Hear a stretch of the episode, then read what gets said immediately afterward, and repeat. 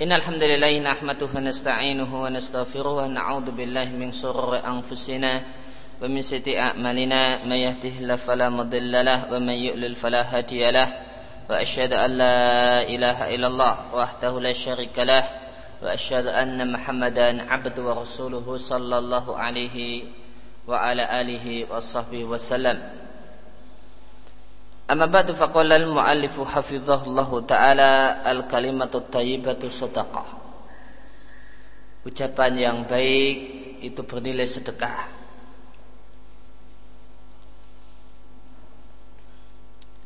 Dalam hadis Abu Hurairah yang telah kita baca di pertemuan yang lewat yaitu atau sampai kul khairan ya. Kul khairan kalau mu'alif afidhallahu ta'ala kul khairan awismut ucapkanlah kebaikan atau diamlah. Di antara adab etika norma sopan santun yang diajarkan oleh Nabi, Nabi Sallallahu Alaihi Wasallam berkaitan dengan masalah berbicara adalah adab Nabi Sallallahu Alaihi Wasallam lilladina yahumuna bil kalam kepada orang-orang yang hendak berbicara. Punya keinginan untuk berbicara hendaklah mereka yatarayyasu ya, tidak tergesa-gesa berbicara.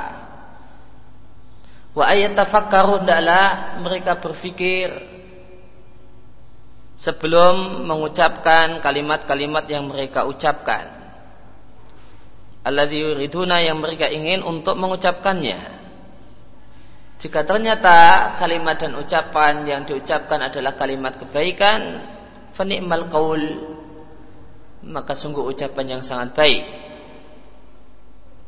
Waliyakulhu Tidaklah dia katakan Tidaklah dia sampaikan Namun Jika ternyata ucapan yang diucapkan adalah Kejelekan dan keburukan Faliantahi anhu Maka adalah dia berhenti Darinya Maka itulah yang lebih baik Diatkan oleh sahabat Abu Hurairah radhiyallahu anhu Rasulullah sallallahu alaihi wasallam bersabda Mangkana yu'minu billahi wal yawmil akhir fala yu'di jarahu. Siapa yang benar-benar beriman pada Allah dan hari akhir, janganlah dia mengganggu tetangganya. Wa man kana yu'minu billahi wal yawmil akhir falyukrim dhaifahu. Siapa yang benar-benar beriman pada Allah dan hari akhir, maka hendaklah dia memuliakan tamunya. Dan barang siapa yang beriman kepada Allah dan hari akhir, falyakul khairan, maka hendaklah dia berkata-kata yang baik atau hendaklah dia diam. Maka ada tiga hal yang Nabi sampaikan di sini dan hadis ini adalah salah satu hadis di Arba'in Nawawiyah. Orang yang benar-benar beriman pada Allah dan hari akhir itu tidak akan mengganggu dan menyakiti tetangganya. Para ulama berselisih pendapat tentang definisi tetangga. Dia menjelaskan ada banyak penjelasan tentang masalah ini. Ada yang mengatakan 10 rumah ke depan, ke belakang, ke kanan dan ke kiri. Ada yang menjelaskan 40 rumah ke depan, belakang, ke kanan dan ke kiri. Ada yang mengatakan dia yang satu jamaah masjid denganmu. Ya satu jemaah masjid denganmu. Ya, di masjid yang sama, itulah tetanggamu. Dan ada beberapa pendapat yang lain tentang definisi tetangga yang tercakup dalam maksud dan istilah tetangga dan pendapat yang paling kuat dalam masalah ini sebagaimana disampaikan oleh Syekh Muhammad bin Saluthimin rahimallahu taala di Sarah Arba'in Nawawiyah bahwasanya definisi tetangga kembali kepada ala urfu. Ya. Yang boleh jadi berbeda-beda antara satu tempat dengan tempat yang lain, satu zaman dengan zaman yang lain. Di kampung ya, jumlah tetangga lebih banyak, cakupannya bisa lebih banyak. Ya, daripada di kota. Di kampung ya, uh, orang uh, desa sebelah sudah lain desa masih tetangga. Ya, di kota boleh jadi tetangga cuma satu RT saja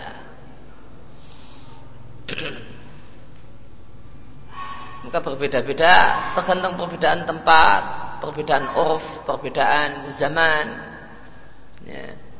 Di satu zaman dulu sampai batas ini masih tetangga. Setelah berkembangnya zaman, ini sudah tidak lagi menjadi tetangga. Sudah lain, sudah tidak dinilai sebagai tetangga.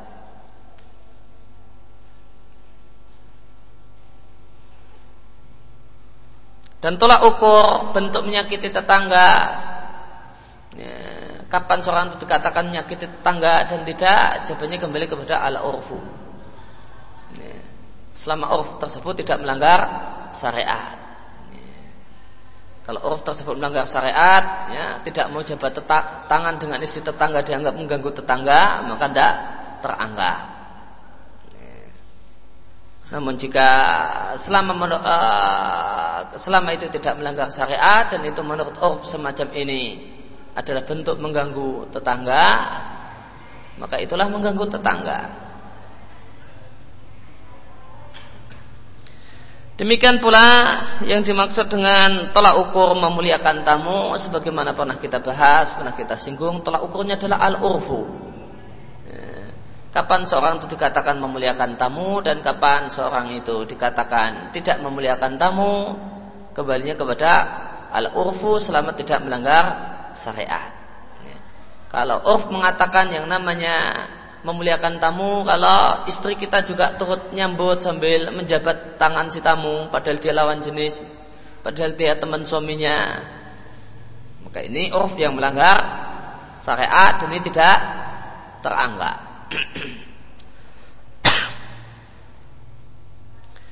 Kemudian ada tentang berbicara Nabi mengatakan adalah seorang itu mengucapkan kebaikan atau tidak. Maka ucapan seorang manusia itu ada tiga kemungkinan kebaikan, kejelekan atau tidak kebaikan dan tidak kejelekan. Dari tiga jenis ucapan manusia tersebut yang Nabi bolehkan untuk diucapkan hanya satu jenis saja yaitu ucapan kebaikan. Maka ucapan kejelekan ataupun ucapan yang uh, bukan kejelekan akan tapi juga bukan kebaikan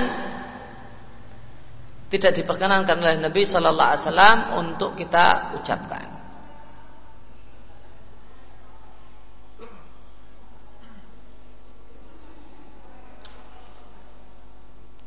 Dan yang dimaksud dengan kebaikan di sini uh, mencakup dua hal kebaikan dan manfaat berkaitan dengan masalah urusan dunia, kebaikan dan manfaat berkaitan dengan masalah akhirat.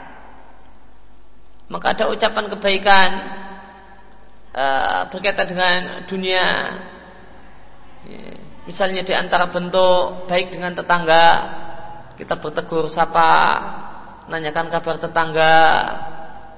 Nah, ini adalah kalimat kebaikan. Bercanda dengan istri, ya, bercanda dengan anak, ini adalah uh, kebaikan. Ini termasuk dalam kategori ucapan kebaikan. Sebagaimana ucapan kebaikan adalah membaca Al-Quran, amar ma'ruf nahi mungkar, membaca kalimat-kalimat tasbih, subhanallah kalimat-kalimat zikir subhanallah alhamdulillah atau yang lainnya Berkaitan dengan sabda Nabi Falyakul khairan awliyasmut Ibnu Hajar mengatakan wahada min jawami'il kalim ini adalah termasuk sabda Nabi yang tergolong jawami' kalim kalimat ringkas syarat makna. Karena ucapan seluruhnya boleh jadi ucapan kebaikan ataupun kejelekan atau boleh jadi uh, ucapan yang mubah namun ayilun ila ahadima berujung kepada kebaikan atau pada keburukan Dia ucapan mubah. Namun ucapan mubah ini boleh jadi menjadi dampak timbulnya kebaikan atau ataupun jadi dampak timbulnya kejelekan. Maka ucapan mubah yang berdampak pada kebaikan itu dakhala fil khair. Maka termasuk dalam ucapan kebaikan semua ucapan yang diperintahkan berupa ucapan yang hukumnya wajib ataupun ucapan yang hukumnya sunnah. E, maka ada izin untuk mengucapkannya meskipun e, beraneka ragam bentuknya. Dan termasuk ucapan kebaikan adalah ma ya'ulu ilaihi ucapan mubah yang mengantarkan kepada kebaikan yang berdampak pada kebaikan. Wa ma'ada dzalika adapun ucapan selain itu yaitu ucapan kejelekan atau ucapan yang mubah namun mengantar pada kejelekan maka Nabi perintahkan ketika kita ingin mengucapkannya bisumti untuk diam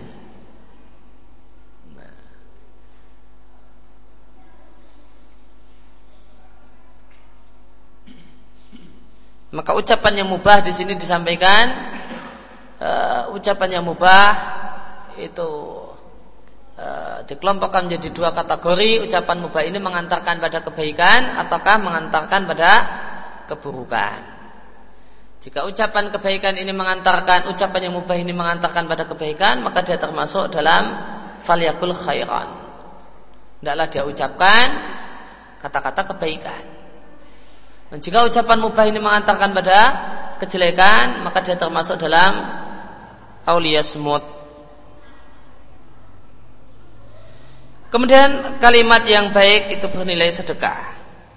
Hadis Abu Hurairah yang baru saja kita baca menunjukkan bahwa seseorang setiap dari manusia diperintahkan untuk mengucapkan kebaikan, jika tidak maka diam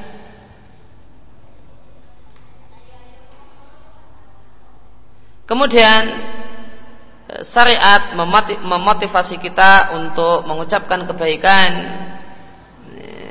Karena dalam ucapan kebaikan itu tazkiran billah wa islah lidinihim wa dunyahum. Karena dalam ucapan kebaikan itu terdapat banyak manfaat mengingatkan orang lain kepada Allah memperbaiki urusan agama atau urusan dunia seseorang dan membuahkan perbaikan hubungan di antara sesama manusia dan bentuk-bentuk kemanfaatan manfaat yang lain dari ucapan-ucapan kebaikan. Maka ucapan kebaikan sangat bermanfaat. Orang yang mengucapkan ucapan kebaikan jika dia bentuknya adalah amar ma'ruf nahi mungkar, maka berarti mengingatkan manusia kepada Allah Subhanahu wa taala atau ucapan kebaikan dalam bentuk mengucapkan bacaan-bacaan zikir maka ada orang yang berzikir di samping kita maka kita pun menjadi ingat kepada Allah Subhanahu wa taala. Di antara ucapan kebaikan adalah ucapan untuk menyambung hubungan yang retak di antara sama kaum muslimin. Maka ini tentu satu hal yang sangat manfaat. Warattaba ala dzalika ajran dan Nabi sallallahu alaihi wasallam mengkaitkan pahala yang besar dengan ucapan kebaikan. Ada pahala yang besar dalam ucapan kebaikan.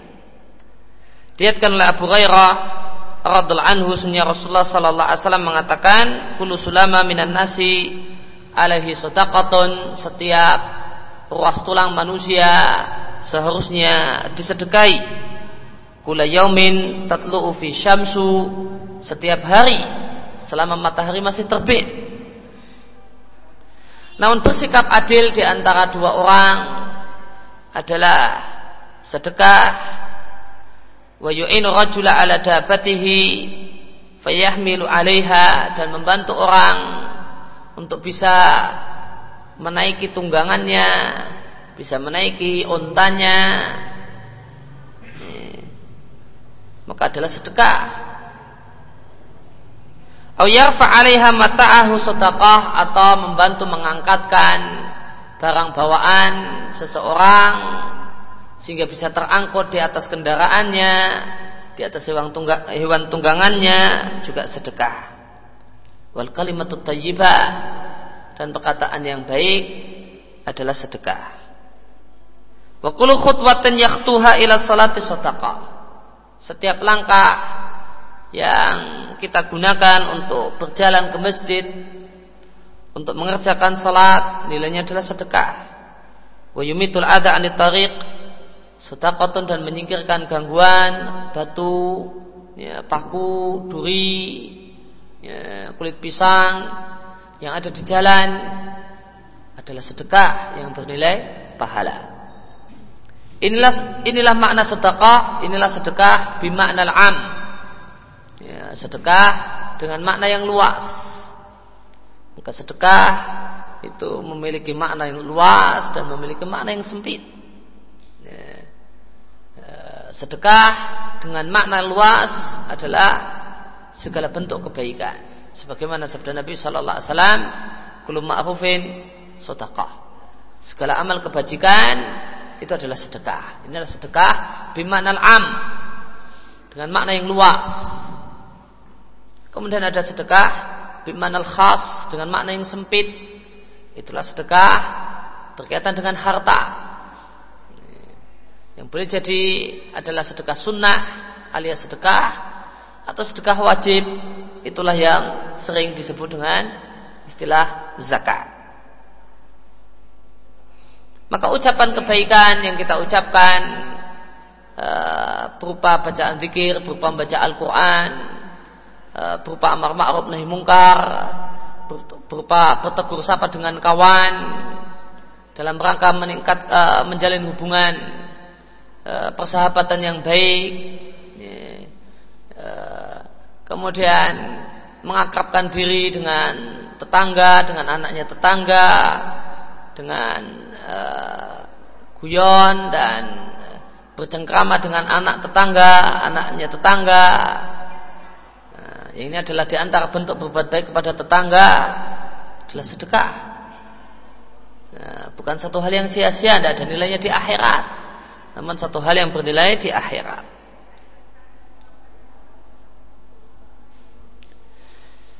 Warubah kalimatan dan betapa banyak ada satu kalimat yang baik yang diucapkan oleh seseorang yang ini menjauhkan orang yang mengucapkannya dari neraka.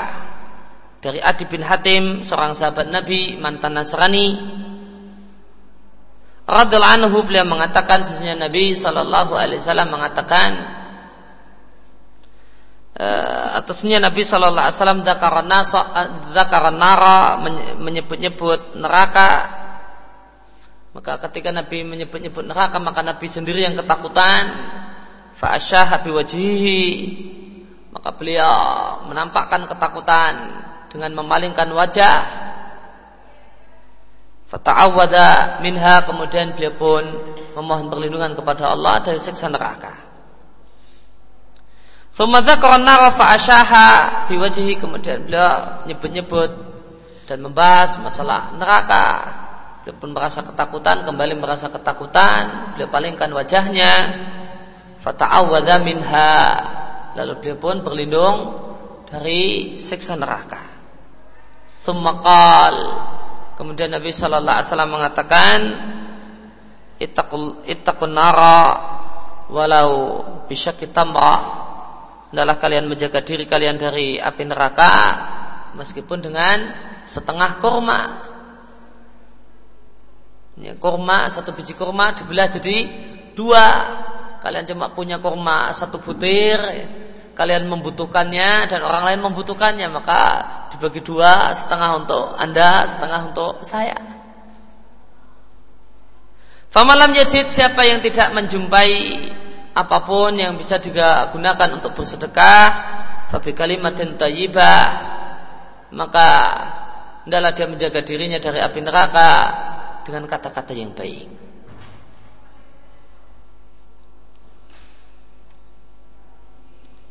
Maka lindungilah diri kalian dari api neraka meskipun dengan setengahnya setengah dari satu e, biji kurma, satu butir kurma.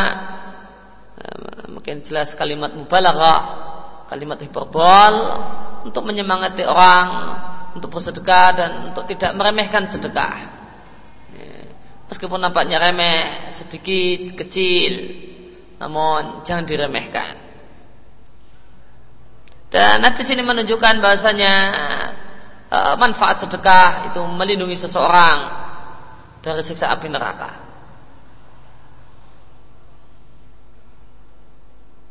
Dan hadis ini menunjukkan bahwa Nabi adalah seorang yang takut dengan neraka. Oleh karena itu beliau minta perlindungan dari api neraka. Maka ini menunjukkan tidak benarnya cara beribadah sebagian orang yang beranggapan bahasanya seorang yang baik dalam beribadah adalah orang yang beribadah kepada Allah bukan karena ingin surga, bukan karena takut neraka. Kita katakan ini cara beribadah yang lebih hebat daripada Nabi Muhammad Sallallahu Alaihi Wasallam. Nabi sendiri merasa takut dengan neraka, oleh karena itu beliau pun meminta perlindungan kepada Allah Subhanahu wa taala dari siksa api neraka. Maka jangan uh, jangan remehkan kata-kata yang baik. Kata-kata yang baik yang diucapkan oleh seseorang itu akan bisa melindungi pelakunya dari siksa api neraka. Akan bisa menjauhkan pelakunya dari jilatan api neraka dengan kata-kata yang baik, dengan kata-kata yang menggembirakan, yang menyenangkan tetangga dengan menyenangkan kawan, sahabat dan orang lain. Eh, karena di antara yang Nabi katakan dalam sebuah hadis di antara se seutama-utama amal adalah idkhalus surur fil qalbil muslim. Memasukkan rasa gembira ke dalam hati seorang muslim. Fadl kilatil kalam wa karahiyatu kathratihi Eh, keistimewaan dan keutamaan eh, sedikit berbicara dan terlarangnya banyak bicara. Terdapat banyak dalil yang memotivasi untuk mempersedikit eh, perkataan fi ayam hadisin dalam beberapa hadis. Hal itu dikarenakan banyak berbicara menjadi menjadi sebab terjumus dalam dosa. Maka orang yang banyak berbicara tidaklah aman dari terjumus dalam dosa terjumus dari ketergelinciran lisan dan keterpelesetan lisan. Karena hal tersebut maka terdapat eh, dalil-dalil uh, yang memotivasi untuk mempersedikit berbicara dan larangan untuk banyak bicara.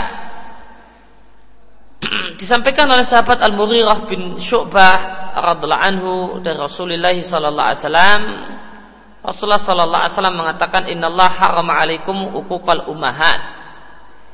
Sesungguhnya Allah Subhanahu wa taala mengharamkan kalian untuk durhaka dengan ibu. Dan tidak ada hadis yang melarang durhaka pada bapak. Adanya durhaka pada dua orang tua. Adanya durhaka pada dua orang tua. Sama durhaka, larangan durhaka sama ibu. Tidak ada hadis khusus Ya, tidak ada hadis khusus melarang uh, janganlah kalian durhaka kepada bapakmu. Maka di sini dalam hadis ini Nabi Shallallahu Alaihi Wasallam mengkhususkan uh, penyebutan ibu. Janganlah kalian durhaka dengan ibumu. Uh, karena ya, ibu adalah wanita, wanita adalah makhluk yang lemah. Maka seorang anak bisa merasa gagah di depan ibunya lain dengan bapaknya. Kalau dia macam-macam bapaknya, maka eh, bapaknya bisa nantang, jak, jak gulat, ayo. Dengan ibunya, tidak bisa. Maka kecenderungan untuk durhaka pada ibu besar. Tidak sebesar durhaka kepada ayah. Macam-macam sama bapak. Oh uh, diambilkan parang ah, macam-macam ya sama ibu ya, paling-paling nangis. Nah, paling-paling karena sakit hati nangis. Maka kecenderungan anak untuk durhaka pada ibunya itu lebih besar. Oleh karena itu Nabi Shallallahu Alaihi Wasallam ya, memberikan uh, larangan khusus untuk Eh, durhaka kepada ibu. Sampai karena menunjukkan besarnya uh, jasa seorang ibu kepada anaknya. Wa man'an wahatin dan Allah Subhanahu wa taala melarang man'an wahatin. Man'an maknanya adalah mencegah untuk uh, memberikan apa yang seharusnya dia berikan.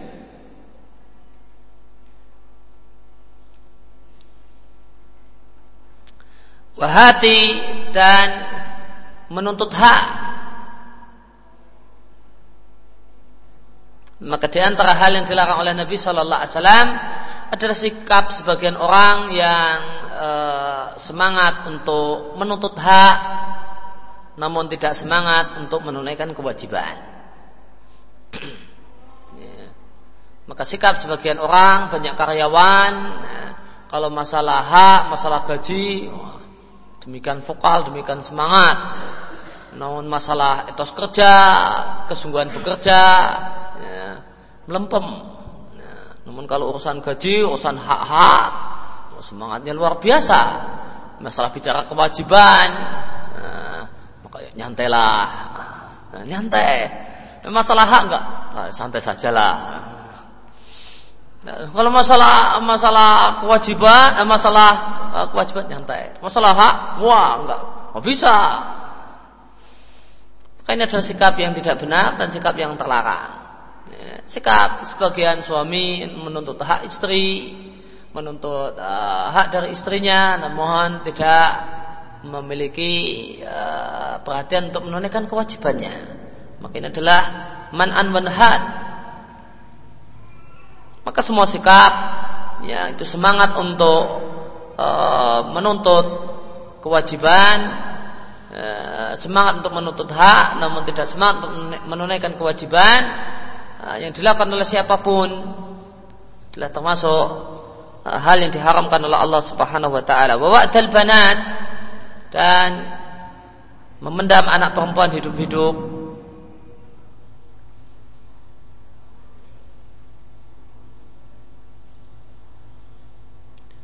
Berkaitan dengan masalah membunuh anak di masa jahiliyah, budaya membunuh anak itu karena dua faktor. Sebagian orang membunuh anak ya, karena miskin atau takut miskin.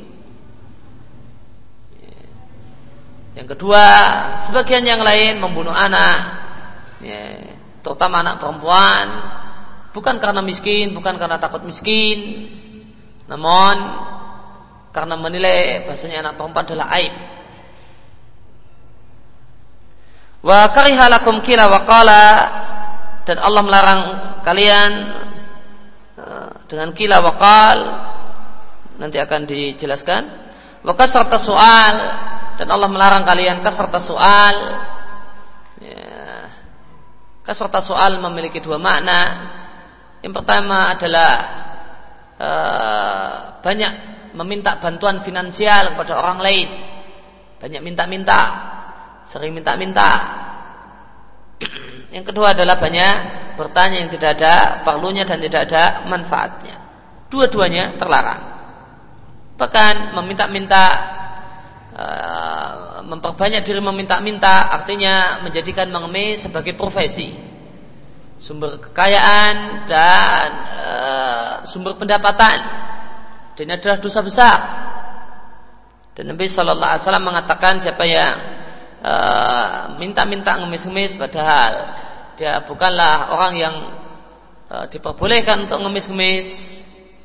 Dia ngemis-ngemis karena mau memperkaya diri. Maka dia akan menghadap Allah Subhanahu wa taala pada kiamat dalam keadaan tidak ada satupun daging di wajahnya.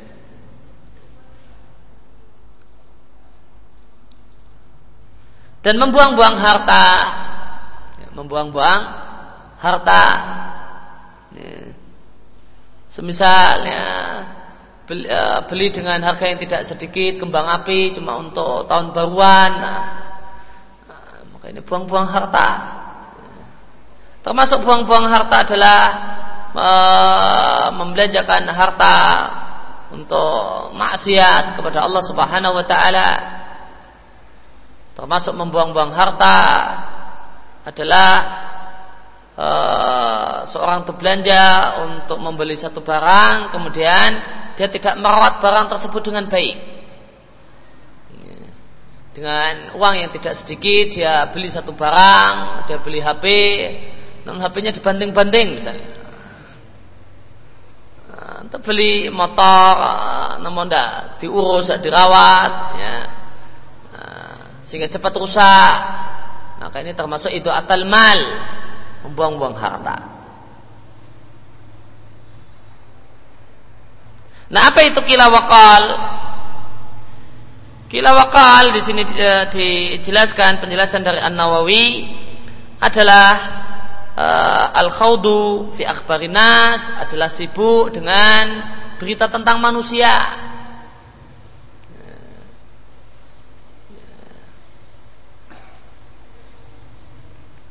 Sibuk tentang berita manusia. Oh si A sekarang sedang apa? Oh si B sekarang uh, mau melakukan apa sibuk dengan uh, dengan berita tentang manusia ya, ya. maka itulah acara kabar-kabari atau semisalnya itu sibuk dengan berita manusia oh, oh si A itu uh, sekarang pacarnya siapa? Uh, si B oh itu sekarang. Suaminya siapa lagi? Oh, uh, oh dia beli rumah. Beli rumah di mana ya? Uh, wah si uh, si E uh, si C itu sekarang mobilnya berapa? Oh, sibuk uh. Orang sibuk dengan berita tentang manusia. Oh, Ustadz itu uh, istrinya ada dua. Oh, sekarang udah tiga lagi. Ah, ya.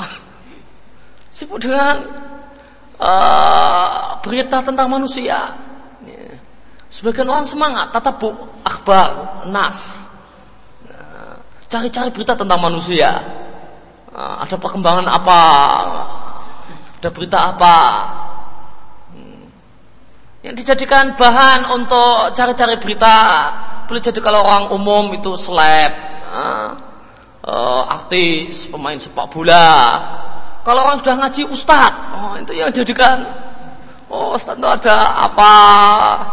Uh, sedang apa mau apa? Itu wah kok bisa-bisanya uh, kabar ustad dari Riau sampai Jogja segala.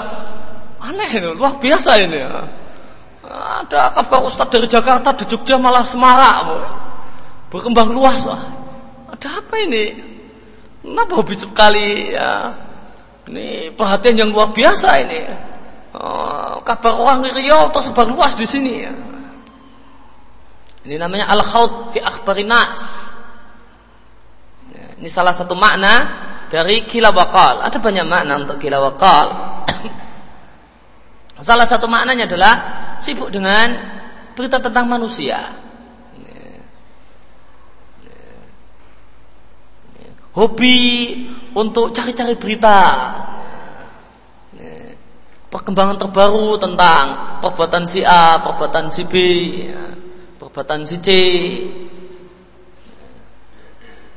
Boleh jadi cuma sekedar ingin tahu saja bukan untuk uh, cari-cari kelemahan lain itu babnya bab lain lagi. Kalau cuma sekedar pengen uh, beri, uh, berita ya, tentang ya, orang yang bisa jadikan bahan untuk cerita bahan untuk berita. Bukan untuk cari-cari zalahnya bukan cari-cari ketergelinciran kesalahannya. Kali ini tatabu auratun nas lain babnya Cari-cari kekurangan manusia, kekurangan orang lain. Nah, kalau al khawt fi akhbarinas, ya orang hobi cari-cari berita tentang ya, hal-hal ya, yang dianggap menarik untuk dibicarakan tentang uh, orang-orang uh, tertentu. Wahikayat malayakni min ahwalihi. Kemudian cerita-cerita tentang hal-hal yang uh, layak ini tidak penting dari urusan manusia. Watasawufatihim dan tindakan manusia. Oh ustadz itu nikah lagi misalnya. Itu apa coba manfaatnya? Orang untuk cerita-cerita. Ada manfaat apa misalnya? Apa manfaat yang didapatkan dari cerita-cerita tentang semacam ini? Apa faedah bagi yang cerita dan apa faedah bagi orang yang dapatkan cerita? Tidak ada faedahnya.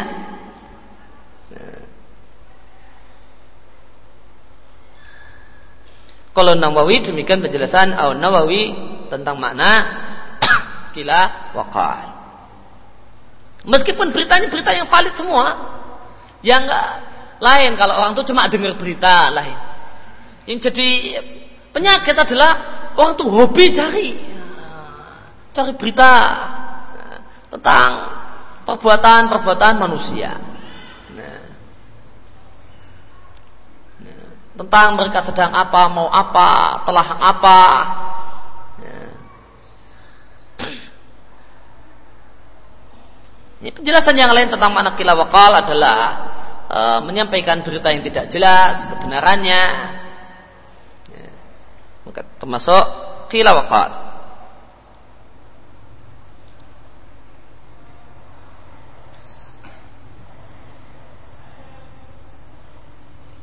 Oleh karena itu maka ini hadis ini dibawakan uh, sebagai bentuk hadis untuk memotivasi sedikit bicara dan larangan untuk banyak bicara. Karena orang yang hobi kilawakal dalam artian membicarakan berita-berita manusia, uh, perkembangan terbaru, perbuatan si A, perbuatan si B, perbuatan si C, maka orang ini hobi bicara. Ya. Maka tentu dia adalah orang yang gemar sekali untuk ngobrol dan bicara.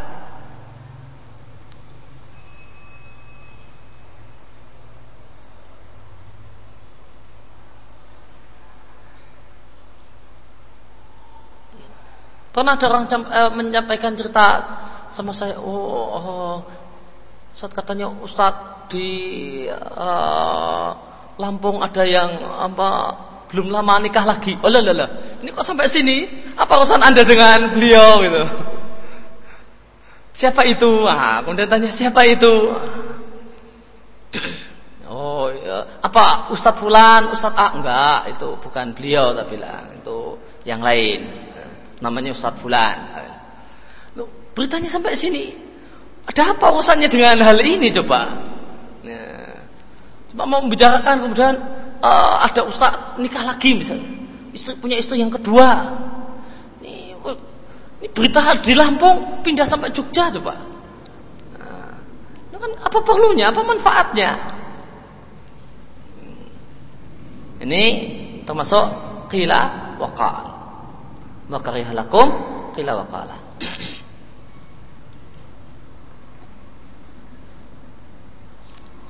Wakat satu kalam dan banyak berbicara adalah satu hal yang tercela dalam syariat diatkan oleh Jabir bin Abdullah radhiallahu anhu sesungguhnya Rasulullah sallallahu alaihi wasallam mengatakan inna min ahabikum ilayya wa aqrabikum. Ya itu ada yang kurang tuh. Kurang ya wa aqrabikum minni majlisan yaumal qiyamah. Ahasinukum akhlaqa Sesungguhnya orang yang paling aku cintai dan orang yang paling dekat e, tempatnya denganku, tempat duduknya denganku pada kiamat nanti adalah orang yang paling bagus akhlaknya. Wa inna abghadakum ilayya wa abad wa ab'adakum minni majlisan yaumal qiyamah arthartharun al mutasyaddiqun al mutafahhiqun dan sesungguhnya orang yang paling aku benci dan orang yang paling jauh tempat duduknya denganku pada hari kiamat nanti adalah Arthur Sarun. Orang yang hobi bicara. Lihat di catatan kaki nomor tiga. Arthur Sarun kasirul kalam. Orang yang hobi ngomong, hobi bicara. Orang yang banyak bicara, Asal fil kalam maknanya adalah al-kasrah. Ya. Maknanya adalah banyak bicara, wa dan mengulang-ulang bicara. Ya, kalau untuk laki-laki yang banyak bicara maka disebut rajulun sarsarun perempuan yang banyak bicara, ya, suka ngomong, rame, disebut imro'atun sarsaratun.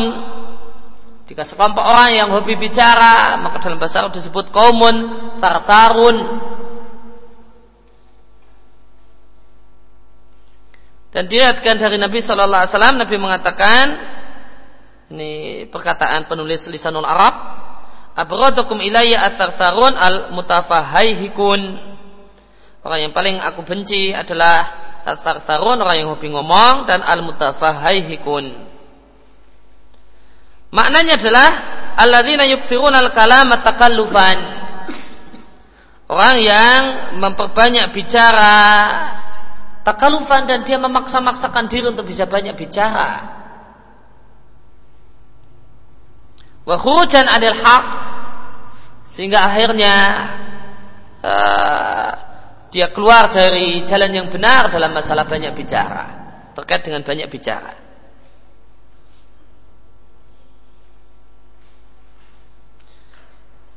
Kemudian para sahabat mengatakan, Ya Rasulullah, qad alimna asar-sarun. Wahai Rasulullah, kami telah mengetahui apa itu sartarun. Nah, itu orang yang banyak bicara. Nah, boleh jadi banyak ngobrol, boleh jadi bisa hanya uh, banyak cerewet yang tidak ada manfaatnya. Tapi kalau nyereweti orang yang ada manfaatnya nggak apa-apa. Seorang istri nyereweti suaminya yang malas-malasan ke masjid, ngomong terus gak berangkat-berangkat, nah bagus. Ya. seorang ibu wajib cerewet untuk uh, nyereweti anaknya karena untuk melatih anaknya ya, uh, supaya uh, tahu adab, makan dengan tangan kanan, makan dengan baca basmalah dan seterusnya. Maka ngomong terus. Anaknya maka lagi diingatkan lagi. Yang anaknya pakai tangan kiri ditegur lagi. Sehingga banyak ngomong. Namun memang perlu memang kondisi untuk menghauskan demikian. Itu tidak masalah. Kalau banyak bicara yang tidak ada manfaatnya cuma sekedar banyak bicara adalah orang yang paling dibenci oleh Nabi Shallallahu Alaihi Wasallam dan kami telah mengetahui al mutasyaddiqun dari kata-kata syidkun syidkun itu ujung uh, mulut. Nah, pada manusia ada, ada dua shitkon, nah, ada dua ujung mulut. Ya, maka mutasyaddiqun adalah orang yang uh, bicara besar, ya, ya,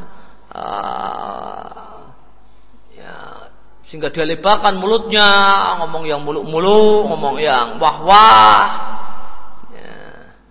yang menjadi prinsip hidup sebagian orang. Ya, kalau nggak kalah bondo ya ojo kalah ngomong. Maka nggak minimal ya menang ngomong lah. Meskipun tong kosong, yang penting uh, bisa ngomong. Itu mutasyadikun.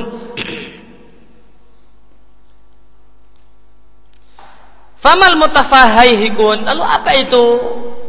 Al mutafahaihikun Nabi sallallahu alaihi wasallam mengatakan al mutakabbirun. Orang yang sombong.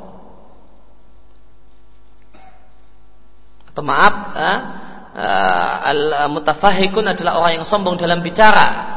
Sedangkan mutasyaddiqun adalah orang yang memfasih-masihkan uh, omongan.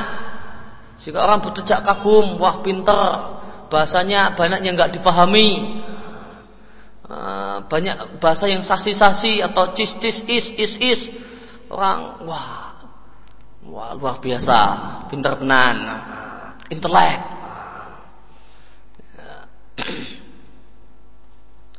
Maka eh, ini adalah tiga manusia yang dibenci oleh Nabi Shallallahu Alaihi atau Nabi paling benci kepada mereka. Ya, asasarun orang yang banyak bicara eh, yang tidak ada manfaatnya tidak ada perlunya al mutafahikun orang yang sombong dalam bicara, ngomong besar. Atau al mutasyadikun orang yang memfasih-fasihkan omongannya, jika orang berdejak kagum tentang kehebatannya dalam berbicara. Ya, karena banyak istilah yang aneh-aneh. Ya, kalau dalam bahasa Arab disebutkan ya, adalah orang yang mendatangkan lafat-lafat yang horib-horib. Uh, kalau dia bicara banyak uh, mbah banyak kosakata-kosakata yang langka-langka dipakai itu yang dia keluarkan. Wah, luar biasa dia kemampuan bahasanya.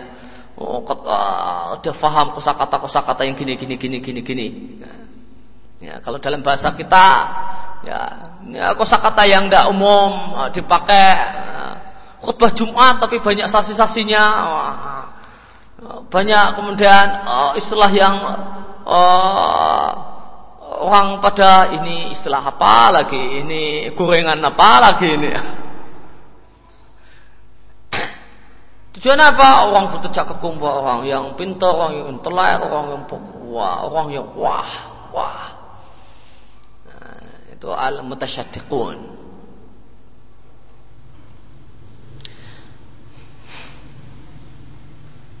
Abu Hurairah mengatakan la khaira fi fudulil kalam. Tidak ada kebaikan dalam banyak bicara. Umar bin Khattab mengatakan siapa yang banyak bicara maka banyak kelirunya.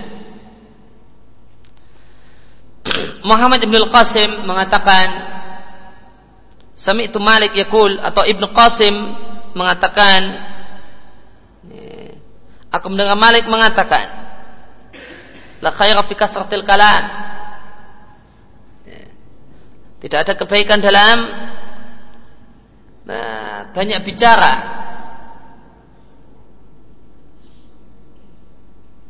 Waktabir dzalika binisa'i wasibyan.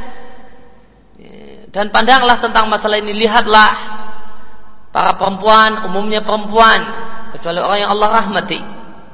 Dan anak kecil, a'maluhum abadan yatakallamuna la yasmutun. Kerjaan mereka, perempuan dan anak kecil, umumnya perempuan. Ilaman rahimallah. Kerjaan mereka ngomong saja. Ya. itu jadi pekerjaan. Padahal aslinya perkataan bicara itu bukan akmal tapi kaul. Namun ternyata amalnya adalah kaul. Ternyata amalnya kesibukannya adalah ya berkata-kata dan ngomong itu sendiri. Mereka tidak pernah diam Demikian perkataan Ibnu Qasim meng, uh, mengutip perkataan Imam Malik. Dan Ibnu Qasim ini adalah orang Mesir yang belajar kepada Imam Malik uh, puluhan tahun. Uh, ketika dia punya tekad untuk belajar, dia tinggal di Mesir dan ingin belajar pada Imam Malik, ya, alim Madinah. Ya, maka ketika itu uh, ketika dia berangkat ke Madinah dia mantenanya habis nikah istrinya sedang hamil. Belum lama nikah. Dia pamitan pada istrinya saya ingin belajar ya, saya punya ada punya tekad bulat untuk pergi ke Madinah untuk belajar. Entah pulangnya kapan. Maka ada dua pilihan ada dua opsi yang saya sampaikan. Kalau sabar, tunggulah aku. Kalau nggak sabar karena nggak jelas nanti daripada uh, nasibmu menggantung ya, karena entah kapan aku pulang. Ya, dulu nggak belum ada surat sulit, ya, belum ada email, belum ada nggak bisa SMS. Uh, ya, nggak tahu kabarnya. Ini suaminya pergi entah kapan ini masih hidup oh, udah mati ya. kalau kira-kira nggak sabar ya, tak ceraikan sekarang ya. daripada nanti nasibnya nasibmu menggantung ada dua pilihan ya. mau pilih yang mana dekat bulat aku sudah dekat bulat untuk belajar dengan Imam Malik ya. udah nggak bisa ditawar-tawar nggak bisa lagi digondeli jangan nggak usah Thomas nah, nggak bisa Cuma ada dua pilihan, nggak ada pilihan yang ketiga, nggak jadi berangkat. Nah, nggak ada pilihan yang ketiga, pilihannya cuma dua. Dan nggak bisa lagi ditambahi pilihan yang ketiga. Gak usah berangkat aja lah. Nah, pilihannya cuma dua. Ya, pergi belajar, dah harga mati. Maka istrinya uh, milih sabar. Ya, kutunggu kedatanganmu. Meskipun entah kapan juga akan pulang. Itu istrinya Ibnul Qasim. Ya. Hanya beliau belajar di Medina. Ya. Sampai kurang lebih 19 tahun. Setelah 19 tahun di Madinah, tidak pernah pulang, nggak pernah liburan. Pulang ke Mesir, tidak pernah. 19 tahun. Maka setelah dia 19 tahun belajar di uh, di tempatnya Imam Malik ya, maka uh, pada satu saat musim haji ya, uh, maka ada seorang anak muda laki-laki ya, rombongan haji bersama dari Mesir ya, sebelum ke Mekah mereka ke Madinah dulu setelah ya, itu kemudian anak muda ini uh, mencari pengajiannya Imam Malik di sebelah mana, ya, di pojok yang mana. Setelah ketemu maka dia tanya-tanya pada sebelahnya, siapa di antara kalian yang bernama Ibnul Qasim? Ibnul Qasim itu yang mana? Ibnul Qasim itu yang mana? Maka ditunjukkan itu loh Ibnul Qasim yang di sampingnya Imam Malik. ya. Itu yang yang sampingnya yang ngajar itu itu Ibnu Qasim. Maka kemudian anak muda ini dekati uh, orang yang ditunjuk ya, kemudian setelah dekat kemudian menjabat tangannya dan memeluk ya, memeluk Ibnu Qasim. Ibnu Qasim mengatakan uh, aku jumpai ya, uh, Syamal Ibn. Baunya seorang anak. Nggak tahu baunya itu kayak apa Ya,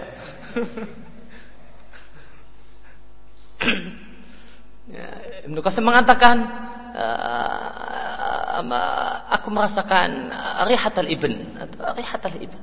Ya, bau seorang anak, nggak tahu baunya itu kayak apa, saya belum bisa membau ya. ya. Maka akhirnya kemudian dijabatlah tangannya Ibnu Qasim kemudian dipeluk. Singkat cerita ternyata itu adalah anaknya. 19 tahun yang lewat dia tinggalkan ketika dia masih di perut ibunya. Sekarang udah 19 tahun, udah gede, udah gagah. Cari bapaknya.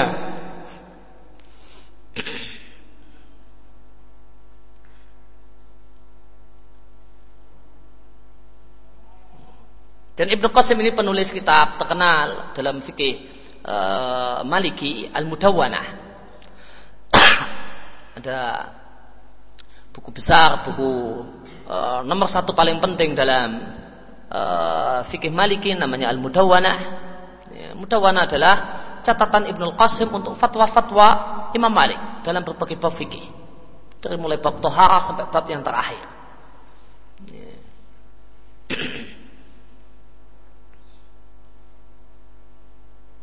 Ya, maka sering Al-Mudawwanah ini ditulis Al-Mudawwanah karya Imam Malik biriwayati Ibn Qasim. Ya, karena yang menceritakan adalah Ibn Qasim.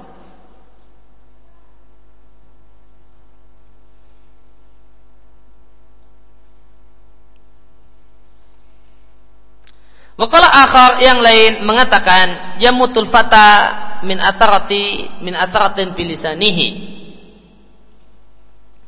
Ada seorang yang mati gara-gara uh, ketergelinciran lisannya. Walaysa yamutul mar'u min atharati rijli. Dan tidak ada dan tidaklah seorang itu mati gara-gara terpleset kakinya Fa'atharatuhu min fihi tarmi biraksihi. Maka ketergelinciran mulutnya itu menyebabkan tercampaknya kepalanya, hilangnya kepalanya, terpenggalnya kepalanya. Wa athratu birjli tabro'a alal mahli. Adapun keterpelesetan kakinya maka itu akan sembuh setelah beberapa waktu akhirnya. Kemudian al-hadar min al-ghibah wan namimah, mewaspadai ghibah dan namimah.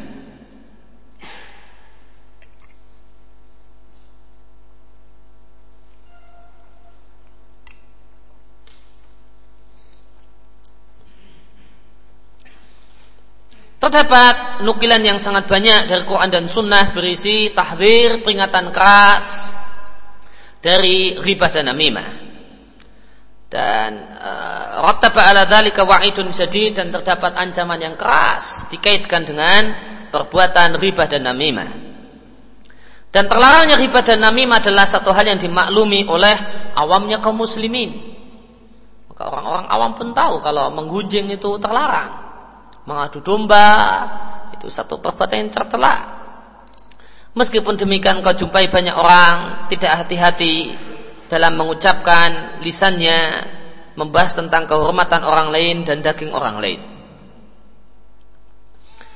Walakin huwa tazyinu namun itu adalah uh, upaya setan yang menghias-hiasi perbuatan manusia untuk untuk merusak persatuan mereka. Wa yughiru sudura ba'dihim. Yughiru sudura itu maknanya membangkitkan amarah. Dan membangkitkan amarah. Ya, amarah yang ada di dada sebagian pada sebagian yang lain. Maka syariat datang dengan membawa syariat Islam membawa datang dengan membawa ajaran jamil kalimah, menjaga persatuan, wa ta'liful qulub, menyatukan hati dan berbaik sangka kepada orang lain. Berkata-kata yang baik dan menyenangkan. Sedangkan setan berupaya keras untuk uh, memecah belah persatuan dan untuk membuat agar ya, ada jarak antara hati dengan hati yang lain dan berbuk sangka dengan manusia dan berkata-kata yang tidak benar dan berkata-kata yang kotor. Dari Jabir radhiallahu anhuma beliau mengatakan, aku mendengar Nabi sallallahu alaihi wasallam mengatakan bersabda inna syaitana qad ya'isa ayabudaha al-musallun fi jaziratil Arab. Sesungguhnya setan telah berputus asa untuk disembah oleh orang-orang yang salat di jaziratil Arab, di jazirah Arab. Ya. Ya, potongan hadis ini dijadikan dalil oleh sebagian kuburiyun untuk mengatakan tidak ada kemusyrikan di negeri Arab maka apa yang kami, laki, kami lakukan nyembah-nyembah kubur bukanlah kemusyrikan. Apa yang kami lakukan dengan memuja-muja kubur bukanlah kemusyrikan. Karena Nabi mengatakan, ya, kata mereka, tidak ada kemusyrikan di Jazirah Arab. Maka apa yang terjadi di Jazirah Arab itu bukan kemusyrikan, meskipun itu muja-muja kubur. Nah, dalilnya, subhatnya hadis ini. Inna syaitana Qad ya Aisyah ayabudaha al-musallun fi jaziratil Arab. Dan ini adalah satu hal yang tidak benar. Ya, terdapat beberapa jawaban dan penjelasan ulama ahlu sunnah berkaitan dengan subhat ini. Pertama, ini adalah ya, keyakinan setan. Ini adalah keadaan setan. Karena melihat betapa kuatnya tauhid di masa Nabi Sallallahu Alaihi Wasallam, di masa para sahabat, kuatnya tauhid dan keimanan para sahabat setelah dibina oleh Nabi Shallallahu Alaihi Wasallam maka setan beranggapan oh saya nggak mungkin lagi disembah oleh orang-orang kaum muslimin orang-orang yang sholat di jazirah Arab ini. Maka itu adalah prasangka setan. Dan prasangka setan keliru dalam hal ini. Perasaan dia putus asa di masa Nabi nggak mungkin saya ada lagi kemusyrikan. Dan prasangka dia yang keliru. Bahkan di Jazirah Arab tetap memungkinkan setan disembah-sembah dengan adanya berbagai kemusyrikan eh, Jawaban yang lain bahasanya uh, yang dimaksud dengan al-musallun di sini bukan jinsiah, ahdiyah. Eh, namanya yang dimaksud dengan al-musallun adalah as-sahabah. Maka itu benar. Tidak mungkin sahabat nyembah setan, melakukan kemusyrikan, menduakan Allah Subhanahu wa taala. Eh, maka al-musallun di sini bukan uh, alnya bukan al-jinsiyah sehingga seluruh kaum muslimin di sepanjang zaman akan tapi ini alnya adalah al-ahdiyah li ahdi dhihni uh, yaitu orang-orang yang salat yang sudah dikenal, yang sudah diketahui Itulah para sahabat Nabi sallallahu alaihi wasallam. Walakin fit tahrish bainahum akan tapi setan tidaklah berputus asa untuk membuat keributan dan perpecahan di antara mereka.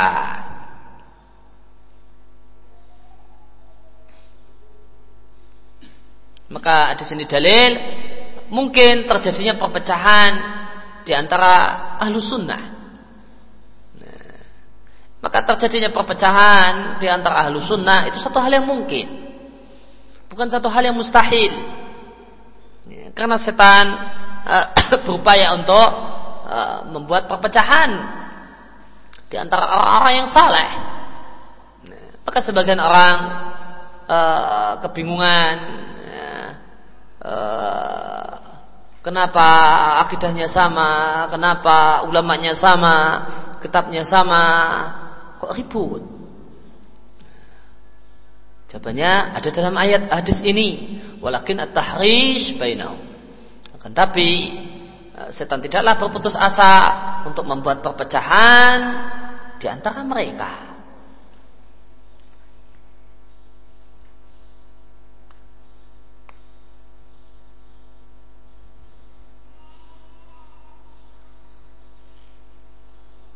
Namun perpecahan di antara ahlu sunnah bukanlah perpecahan dalam masalah akidah. Namun perpecahan personnya, akidahnya sama. Nah, akidahnya sama. Keyakinannya sama. Namun karena setan menyusup di antara mereka, maka terjadilah perpecahan di antara sesama mereka. Maka enggak perlu ya, membuat bingung. Ya yang kita cari adalah al-haq, yang kita cari pelajaran tentang Quran dan Sunnah. Adapun keributan antara person si A dan si B layahumuna. Itu bukanlah satu hal yang urgen bagi kita. Ya. Yang jadi urgen yang kita cari, yang kita uh, inginkan adalah uh, gimana uh, ajaran Quran dan Sunnah, gimana para salaf dalam menerapkannya. Ya. Adapun keributan antara satu person dengan person yang lain pada saat akidah mereka sama, ya, pada saat keyakinan mereka satu, maka itu janganlah mem memusingkan kita dan janganlah membingungkan kita. Kita katakan mungkin saja orang yang akidahnya sama, orang yang keyakinannya sama, tengkar, nggak cocok, nggak bisa kumpul orangnya, meskipun kumpul hatinya. Dan makna hadis sesungguhnya setan telah putus asa untuk disembah oleh orang-orang e, tanah Arab, orang-orang yang tinggal di jazirah Arab. Akan tapi setan tetap berusaha sungguh-sungguh fitahris untuk membuat perpecahan di antara mereka bil khusuman dengan adanya e, pertengkaran, wasyahna dan kebencian bahkan boleh jadi peperangan, wal fitan, perang saudara Salah satu makna fitan adalah perang saudara.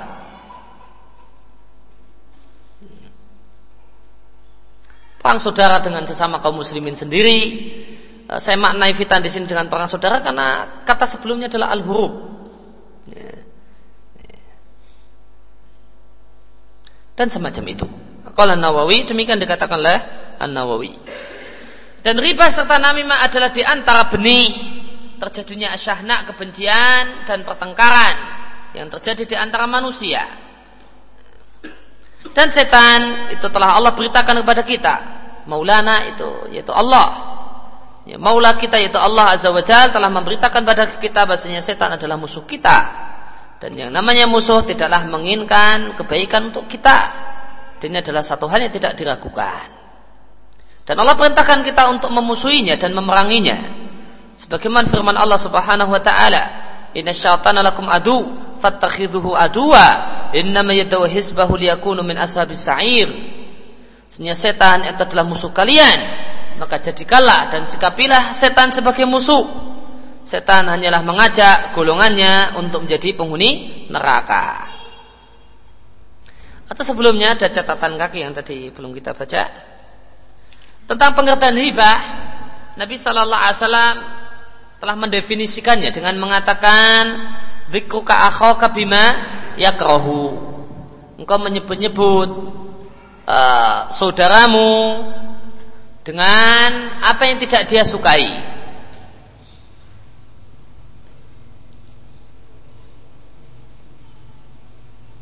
Demikian definisi yang ada dalam hadis ini. Dan berdasarkan zahir hadis, yang namanya riba tidak kalau berdasarkan zahir hadis ini tidak disyaratkan untuk disebut riba, orangnya tidak ada. Dikruka akhaka bima kau. Sebut-sebut saudaramu dengan sesuatu yang tidak dia sukai. Boleh jadi dia di depanmu atau boleh jadi dia di belakangmu. Zahir hadis. Saya katakan zahir hadis.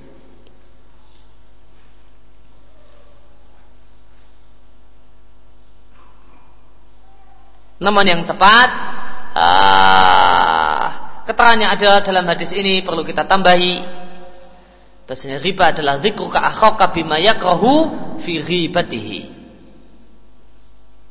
Dalam kau sebut-sebut saudaramu dengan sesuatu yang tidak uh, dia sukai ketika dia tidak ada. Dari mana tambahan fi ribatihi terdapat dalam hadis yang lain yang di sana uh, dalam sebuah hadis yang sahih uh, Nabi Shallallahu Alaihi Wasallam memberikan penjelasan bahasanya yang namanya riba itu orangnya tidak ada. Orang yang dibicarakan tidak ada. Maka berdasarkan hadis yang lain yang juga hadis yang sahih uh, maka uh, zahir hadis ini kita katakan bukan yang dimaksudkan. Perlu ada kalimat tambahan kata-kata tambahan supaya definisi riba yang ada dalam hadis ini sempurna. Maka riba adalah menyebut-nyebut saudara saudaramu yaitu kaum muslimin dengan sesuatu yang tidak dia sukai dan dia tidak ada di tempat. maka berdasarkan hadis ini maka tidaklah termasuk riba yang terlarang menghibah orang kafir. Karena yang terlarang adalah zikruka akhoka sebagaimana juga dalam hadis.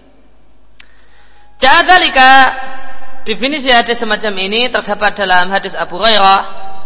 Rasulullah sallallahu alaihi wasallam mengatakan, "Atadru mal riba?" Apakah kalian apa, tahu apakah itu riba? Para sahabat mengatakan, "Allah wa Rasuluhu a'lam."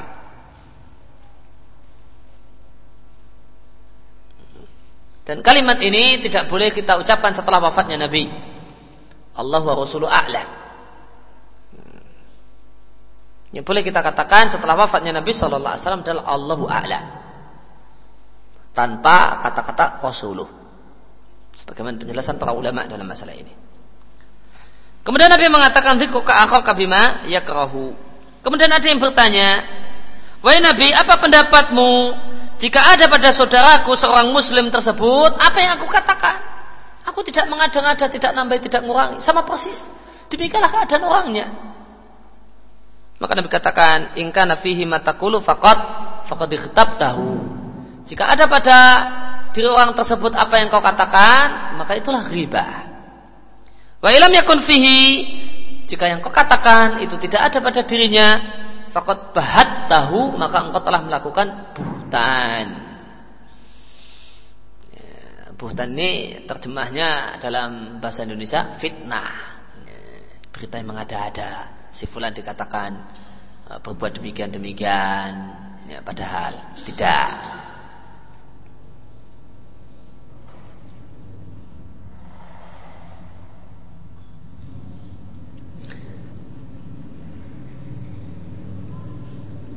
Nah kapan seorang itu dikatakan menggunjing orang Melakukan riba? Maka di sini Babitul riba Tolak ukur untuk bisa disebut riba adalah semua kalimat. Kulu ma'afham tabi ghairaka nuksona muslim. Semua kalimat yang dengan kalimat tersebut kau pahamkan orang lain. Orang lain bisa memahami bahasanya engkau melecehkan seorang muslim. Fawa ghibatun muharramah Maka itu adalah ribah yang terlarang. Semua kalimat yang bisa dipahami. Pelecehan terhadap seorang muslim maka itu adalah riba yang haram. Demikian keterangan An-Nawawi dalam Al-Azkar.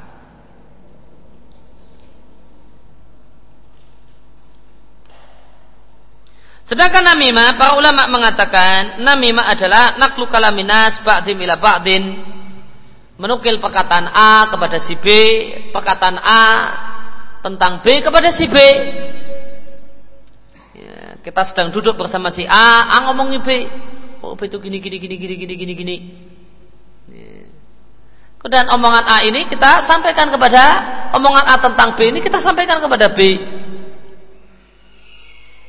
Maka itu adalah namimah dengan syarat ala jihadil ibsad bainahum dengan maksud merusak hubungan di antara mereka. Artinya jika ada maksud-maksud yang bisa dibenarkan untuk menukil perkataan eh, maka itu satu hal yang bukalah namimah yang terlarang. Sebagaimana sebagian sahabat menukil perkataan orang-orang munafik kepada Nabi Shallallahu Alaihi Wasallam dalam rangka memberikan masukan kepada Nabi untuk hadar, untuk waspada kalau dia adalah orang munafik. Maka ini bukan menjadi ifsad, bukan karena merusak hubungan, namun untuk memberikan kewaspadaan pada orang-orang yang perlu mendapatkan berita ya, tentang dirinya supaya dia waspada.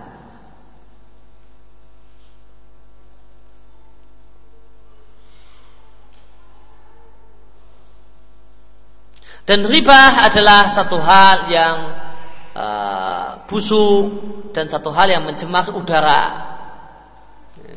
Sebagaimana dalam sebuah hadis yang derajatnya Hasan, dinilai Hasan oleh Al Albani di Ghayatul Maram, fi ahadisil halal wal haram. Uh, satu ketika Nabi Shallallahu Alaihi Wasallam dan para sahabat duduk-duduk ya, bersama para sahabat, maka bertiuplah angin sepoi-sepoi ya, yang baunya busuk. Yang baunya busuk. Dan Nabi bertanya, tahukah kalian angin apa ini? Kemudian Nabi menjelaskan, ini adalah angin ya, yang membawa ribah seseorang. Ada orang yang sekarang sekarang sedang melakukan ribah. Ya. Ada orang yang sekarang sedang melakukan ribah. Kemudian di, uh, omongannya ini ditiup oleh angin menyebabkan bau busuk angin ini. Demikian dampak riba di masa Nabi Shallallahu Alaihi Wasallam. Karena jarangnya orang yang riba. Sekarang karena terlalu banyaknya orang yang riba, semua angin itu busuk sehingga sudah tidak lagi bau. Sudah tidak lagi bau. Karena kita sudah biasa dengan angin yang busuk. Sebagaimana orang yang hidup di dekat pembuangan sampah sudah biasa, itu katanya wangi, ya, enggak Padahal kita yang nggak pernah tinggal di sana, wow baunya nggak enak kayak gini. Dan mereka nyaman-nyaman saja. Oh, harum wangi kayak gini kok, mas seger. Padahal bau yang nggak enak. Maka kita hidup di zaman uh, penuh dengan riba. Setiap kali uh, penuh dengan riba, maka karena udah biasa kita nggak bisa bedakan. Kayaknya anginnya sepoi-sepoi enak saja, nyaman. Padahal angin yang bau. Namun indera kita sudah tidak lagi punya kemampuan untuk mencium bau yang tidak sedap tersebut karena telah terbiasa dengannya. Atau bahkan malah salah satu pelakunya.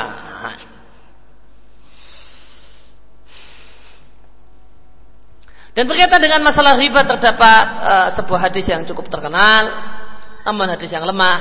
Uh, uh, pada satu bulan Ramadan, uh, maka ada dua orang perempuan yang mengeluhkan dirinya kalau mules-mules ya, perutnya seakan nggak enak.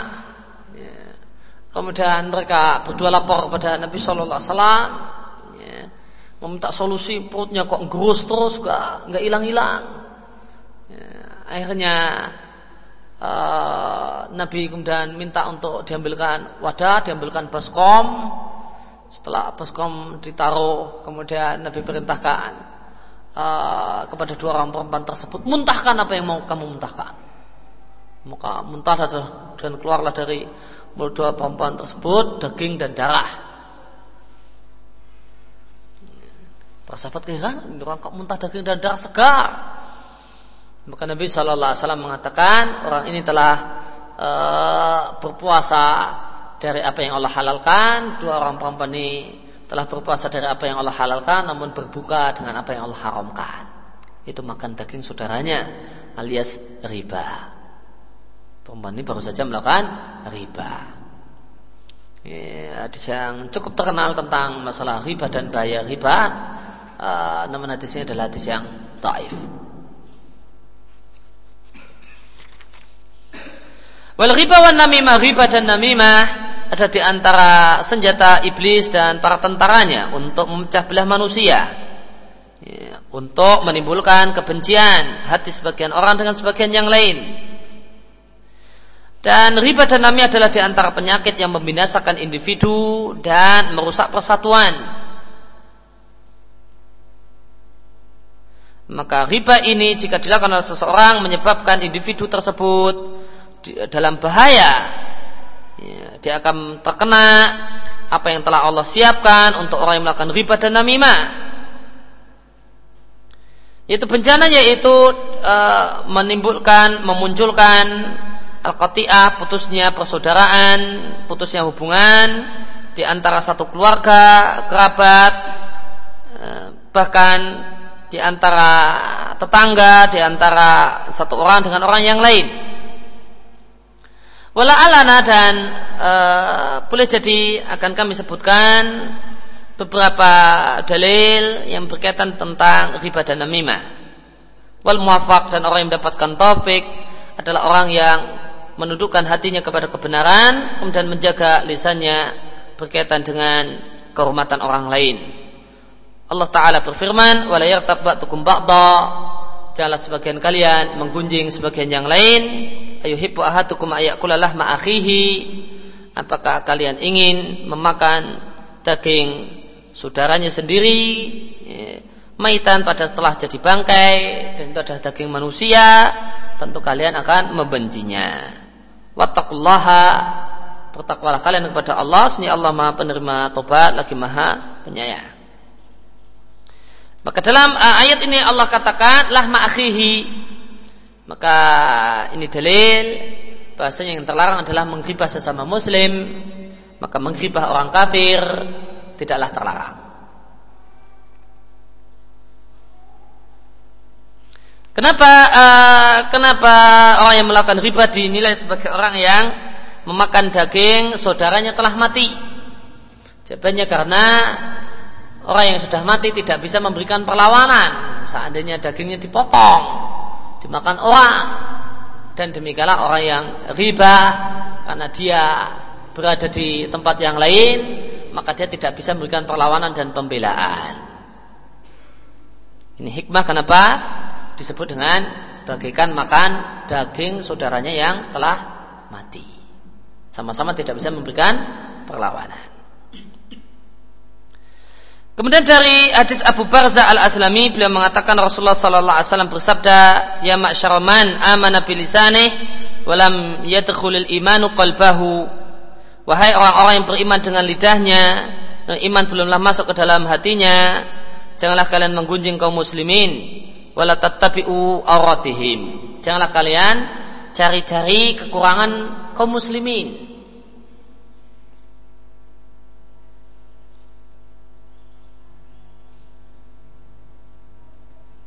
Dan ini berdekatan, dan ini berhubungan erat.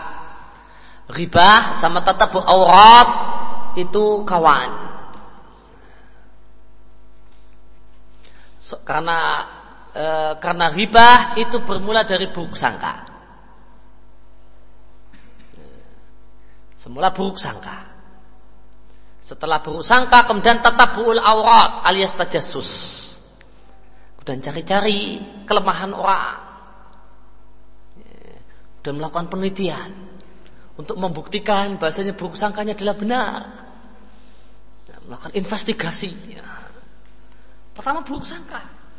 Saya akan buktikan bahwa saya buruk sangka saya benar. Dia bukan dapatkan bukti kemudian uh, uh, dia nggak punya bukti dulu. Kemudian ada dalam dirinya buruk sangka. Wah, dia paling-paling gini gini gini gini gini. Setelah dia buruk sangka, setelah menanam buruk sangka pada orang, maka dia melakukan investigasi untuk membenarkan, membuktikan bahasanya saya tidak mengada-ada. maka dia terjatuh pada dosa berikutnya. Tetap aurat. Mencari-cari kekurangan orang. Ya, terjasus. Maka kemudian nguping ya pembicaraan orang dan cari-cari orang ini ngapain, orang ini ngapain, orang ini ngapain. Ya, ya, maka ya, dia pasang radar. Wah ini ke mana ya? Ah.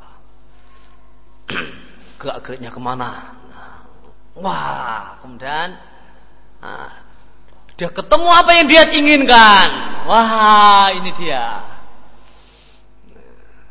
Radarnya berhasil menangkap apa yang dia inginkan. Nah, ini dia. Setelah itu, wah terbukti kan. Kemudian dia omongkan pada orang. Ya, dia kemudian omongkan pada orang, wah si fulan gini gini gini gini gini gini.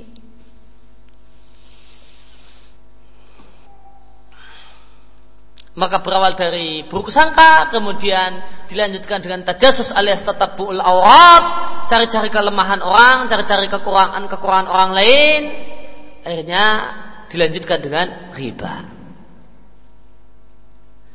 Fa'ina maka sesungguhnya siapa saja yang mencari-cari kekurangan orang lain, maka Allah akan ya, mencari-cari dan menampakkan kekurangannya dan siapa siapa saja yang Allah cari-cari kekurangannya, maka Allah akan permalukan meskipun dia ada di dalam rumahnya sendiri.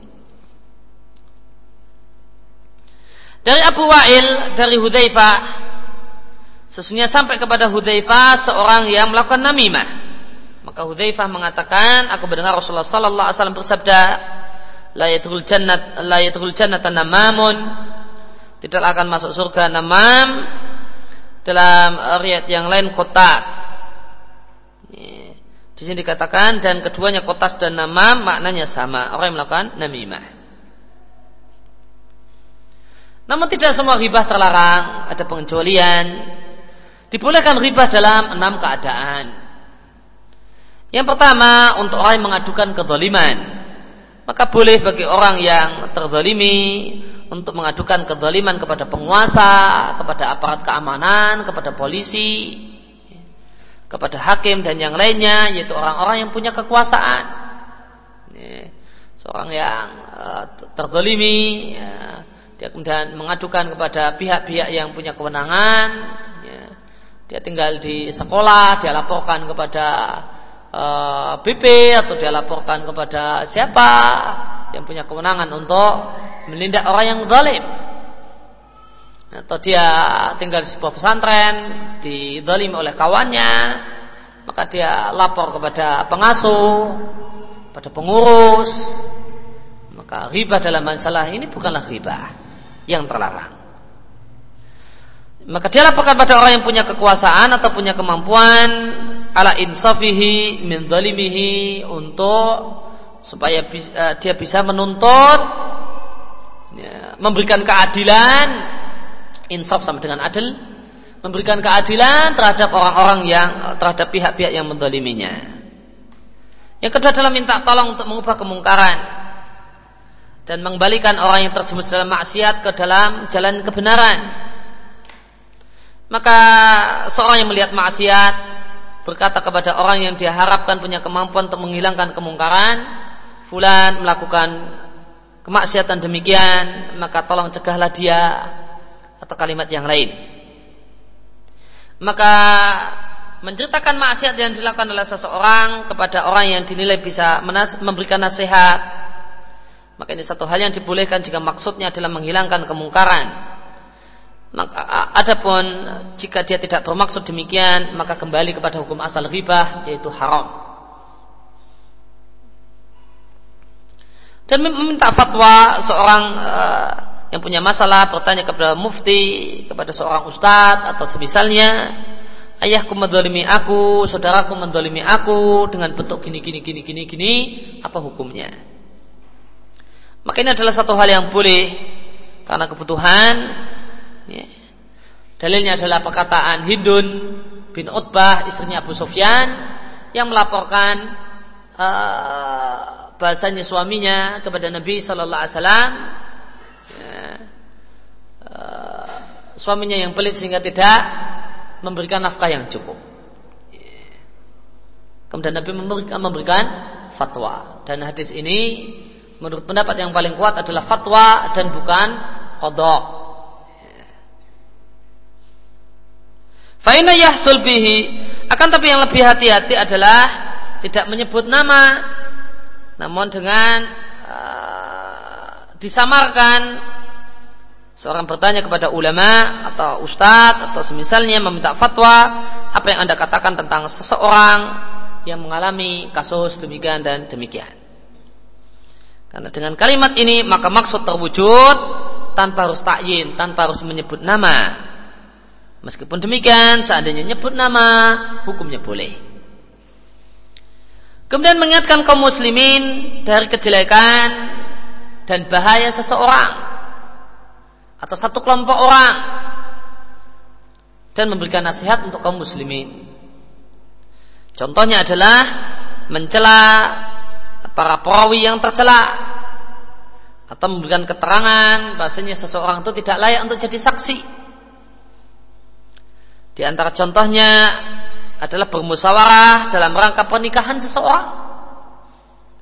Ya, gimana ya, saya mau uh, uh, dengan orang ini cocok apa tidak? Maka boleh menggibah. Oh jangan dia itu punya kelakuan gini gini gini gini. Sebagaimana dilakukan oleh Nabi Shallallahu Alaihi Wasallam pertama bersama Fatimah ya, binti Pais uh, yang dilamar oleh uh, Abu Jaham uh, dan Muawiyah. Ya, jangan sama Muawiyah kiri dia kasihan. Nanti hidupnya susah. Ya, dia sangat pas-pasan. Jangan pula sama, sama jaham. Ya, karena Abu Jaham karena karena dia adalah orang yang kasar dengan perempuan. Suka mukul orang suka mukul istrinya maka ini e, riba dalam rangka musyawarah karena maksud pernikahan namun ini dengan syarat maksud hatinya adalah menginginkan kebaikan Wahada dan ada satu perkara yang sering kali orang salah di dalamnya. Karena yang mendorong sebagian orang untuk bicara adalah hasad. Dan setan melakukan talbis, melakukan penipuan pada orang tersebut. Ya, maka setan memberikan khayalan kepada orang tersebut bahasanya adalah nasihat. Padahal ini adalah ungkapan hasadnya. Falyatafaddal lidzalik maka adalah orang itu cerdas memperhatikan dirinya apakah ini karena dorongan hasad atau karena nasihat jika karena hasad lebih baik diam jika saya bicara maka yang lebih dominan adalah karena dorongan hasad maka lebih baik diam yang kelima adalah orang yang terang-terangan melakukan kefasikan dan kebid'ahan semacam orang yang terang-terangan minum khamar minum khamar di pinggir jalan, di gardu-gardu ronda, nggak malu dilihat orang. Ataupun musodaratin tidak malu-malu untuk kemudian merampas harta orang. Dia uh, tukang apa? Malak. Harta orang. Ya, dia, uh, dia cegat orang untuk minta hartanya. Terang-terangan dilihat orang nggak malu. Uh, wa maks. Dan terang-terangan memunguti pajak. Wajibayatil amwal. Dan ngambil harta milik orang lain watawalil umur al batilah dan dialah uh, yang terang-terangan melakukan uh, berbagai perkara-perkara yang batil. Menjadi pemimpin dalam berbagai perkara yang batil. Maka boleh kita menyebut-nyebut orang tersebut dengan maksiat yang dilakukan terang-terangan. Namun haram menyebut-nyebut orang tersebut dengan maksiatnya yang lain yang tidak terang-terangan kecuali jika ada sebab yang lain yang membolehkan hal tersebut.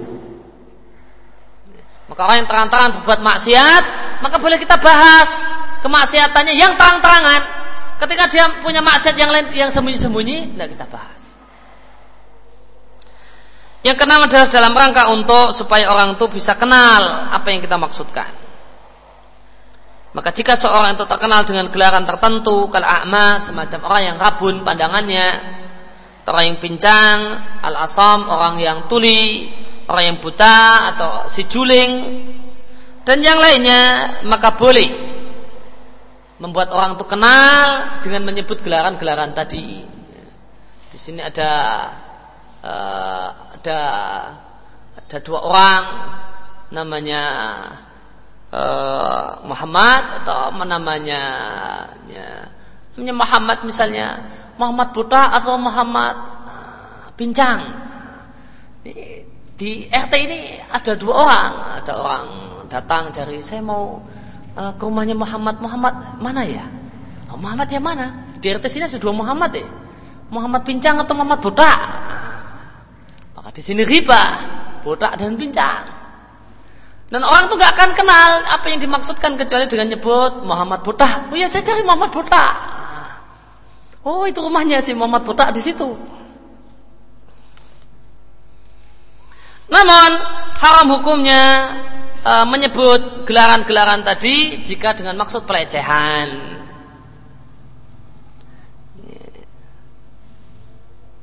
Maka Eh Muhammad buta itu lain atau, atau nyebut-nyebut Muhammad buta dengan maksud melecehkan itu lain dengan maksud sebagaimana tadi. Meskipun seandainya memungkinkan untuk memperkenalkan orang tersebut dengan cara yang lain maka itu yang lebih baik. Inilah tiga sebab yang disebutkan oleh para ulama yang membolehkan riba mayoritasnya disepakati dan dalil-dalil tentang masalah ini adalah hadis-hadis yang sah yang terkenal demikian perkataan An Nawawi di Riyadhus Salihin. Wa sallallahu ala nabiyina Muhammadin wa ala alihi wa da'wana alhamdulillahi rabbil alamin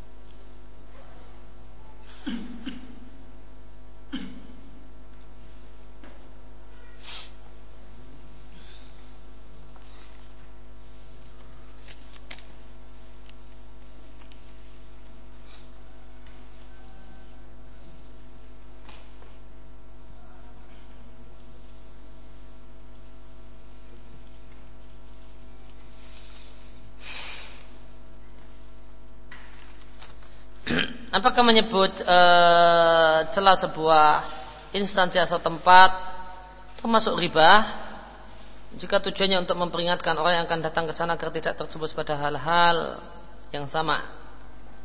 Misalnya jangan ceritakan masalahmu pada orang-orang di sana karena mereka suka riba atau di tempat itu orang-orang yang terbiasa hidup boros dan berlomba-lomba harta.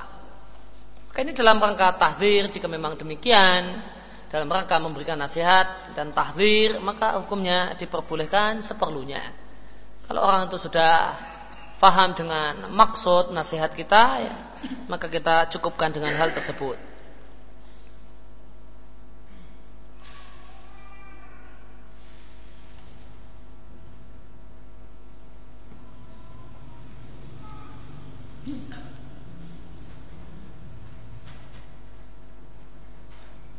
Apakah termasuk kejelekan seorang mahasiswi yang sering berpendapat saat kuliah?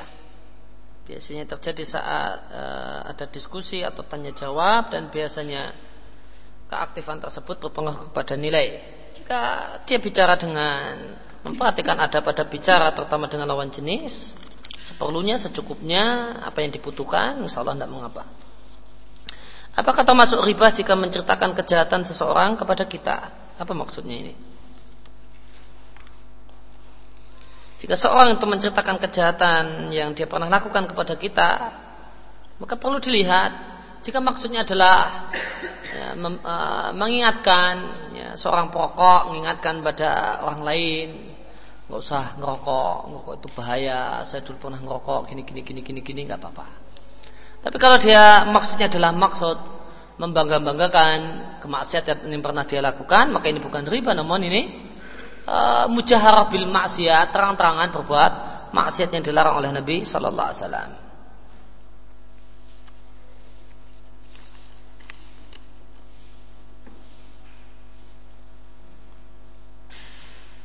Apakah dikatakan riba ketika kita membicarakan kejelekan kelompok tertentu tanpa menyebutkan namanya? Jika orang faham apa yang dimaksudkan, kelompok apa yang dimaksudkan, maka itu riba. Maka jika tidak ada hal-hal yang membenarkan orang untuk membicarakan hal tersebut, maka ini riba yang terlarang. Jika ada alasan syar'i yang menyebabkan hal tersebut dan dia perhatikan batasan-batasannya, maka tidak mengapa. Apakah berdosa ketika kita tidak sengaja mendengarkan riba orang lain? Ketika tidak sengaja maka tidak dosa, maka namun setelah mendengar ada dua pilihan mengingatkan orang tersebut untuk meninggalkan ribahnya ataukah meninggalkan majelis tersebut. Cara bertobat dari riba. Maka cara bertobat dari riba sebagaimana dijelaskan oleh Ibnu Al-Qayyim di Wabil Sayyid ada dua rincian. Jika kita menggunjing seseorang dan kunjungan kita telah sampai kepada orang tersebut, maka kita dikatakan bertobat ya, setelah kita minta maaf. Dengan syarat kunjungan kita sampai kepada orang tersebut. Orang yang kita gunjing telah mengetahui kalau di, kita menggunjingnya. Nah, orang yang kita gunjing tahu kalau kita menggunjingnya. Maka tidak cukup dengan sekedar bertobat, menyesal, dan harus datang dan minta kehalalan dari orang tersebut. Yang kedua, jika kita punya sangkaan kuat bahasanya dia tidak tahu kalau kita menggunjingnya, maka tidak perlu minta maaf. Akan tetapi kita bertobat dan menyesal dan meralat riba kita dengan memuji-muji orang tersebut di tempat dulu kita pernah membahas kejelekannya. Ditambah kita berdoa kepada Allah Subhanahu wa taala agar Allah mengampuni kekurangan-kekurangannya.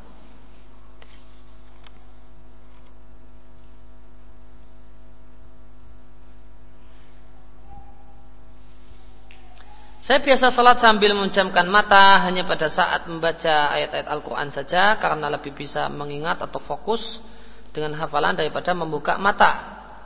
Dan tempat saya sujud ada gambar-gambar masjid yang mengganggu konsentrasi. Bagaimanakah apakah ini dibolehkan? Uh, dijelaskan oleh Ibnu Qayyim di Zadul Ma'ad bahasanya yang sesuai dengan sunnah Nabi Shallallahu Alaihi Wasallam adalah sholat tanpa memejamkan mata namun melihat tempat sujud maka sholat uh, sambil memejamkan mata hukumnya makruh. Kecuali jika ada hal-hal yang mengganggu konsentrasi uh, pikiran tidak fokus karena ada sesuatu e, di tempat tersebut maka boleh memejamkan mata.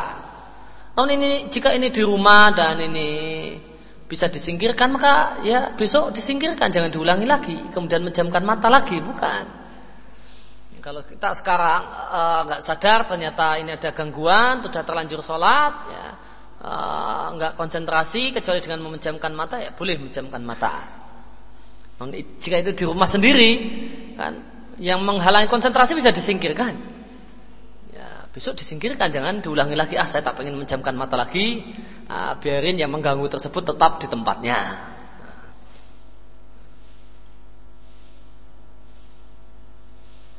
Saya diadai buku yasinan oleh bibi saya dan sudah saya terima.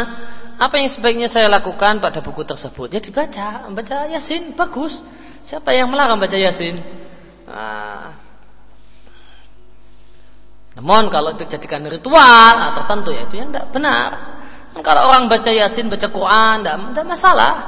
Nah, namun tidak tidak tidak uh, dia uh, kok ini tidak ada kegiatan apa ya. Uh, kemudian dia wudhu, kemudian ngambil buku yasin sambil baca yasin, nggak apa-apa. Atau malah ngapalkan yasin, surat yasin bagus ngapalkan Quran.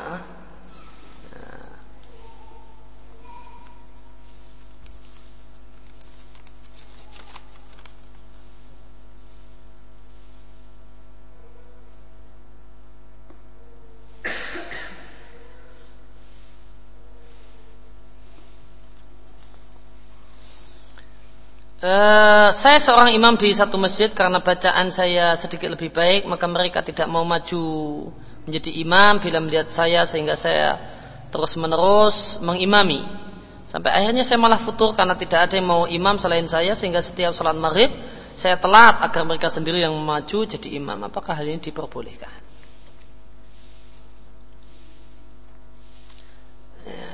Jawabannya jika dia adalah orang yang paling baik ya, dan paling berhak untuk jadi imam, maka hendaklah dia bersemangat untuk uh, bersemangat untuk tetap datang ke masjid di awal waktu dan jadi imam. Dan jadikan itu motivasi untuk menambah bacaan, untuk menambah hafalan. Uh, dan disebutkan oleh Sesolah Al Fauzan di Mulakhas Fiqhi bahasanya menjadi imam solat adalah bagian dari hadis bagian dari doa eh, waja'anna lil muttaqina imama. Bagian dari doa orang-orang yang beriman, ya Allah jadikanlah kami imam orang-orang yang bertakwa. Orang ini pada sholat semua, bertakwa semua mereka saat ini minimal. Eh, maka mereka adalah orang-orang yang sedang bertakwa. Bertakwa kepada Allah Subhanahu wa taala. Maka kita jadi imam, maka itu sebuah kemuliaan. Dan itu itu permintaan orang-orang yang beriman. Wajah lil muttaqina imama. Jadilah kami imam bagi orang-orang yang bertakwa.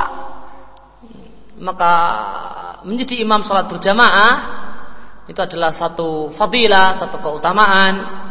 Ya, dan kata saya Saleh Fauzan itu termasuk di mulakhas fiqhi di bab salat jamaah termasuk dalam ayat ya, doa yang Allah ajarkan supaya dibaca dan diminta oleh orang-orang yang beriman waja'anna lil muttaqina imama ya Allah jadikanlah kami imam bagi orang-orang yang bertakwa dan jadi imam sholat berjamaah maka dia jadi imam orang-orang yang bertakwa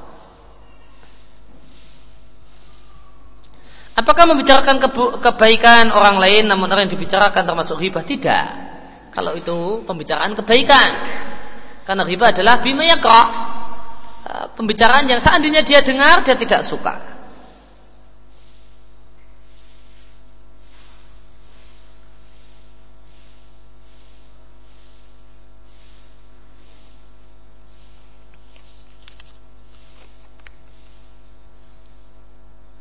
Apakah banyak-banyak bersiwak di siang Ramadan agar mulai bersih ini dianjurkan? Dianjurkan menurut pendapat pendapat yang paling kuat. Karena hadis yang melarang untuk bersiwak setelah matahari bergeser ke barat adalah hadis yang lemah.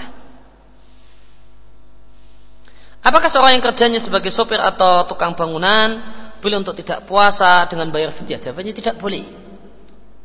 Ini di antara uh, kesalahan yang ada di uh, kesalahan fikih yang ada di buku uh, fikih sunnah membolehkan uh, batal puasa karena pekerjaan berat. Nah, ini di, uh, diingatkan oleh di, dikritik oleh banyak ulama bahasanya ini tidak termasuk udur syar'i. Tidak ada satu pun dalil yang me, ya, yang menunjukkan kalau di antara udur syar'i untuk batal puasa adalah pekerja berat. Maka di antara uh, ketergelinciran uh, Said Sabiq rahimahullah taala di kitab Sunnah adalah membolehkan uh, membatalkan puasa karena alasan dia bekerja berat kemudian uh, ya, membatalkannya sudah masalah. Boleh jadi dibayar dengan qada ataupun dibayar dengan fidyah. Ya. mau itu ataupun mau itu maka membolehkan uh, batal puasa karena kerjaan berat itu sebuah kesalahan dari sisi dalil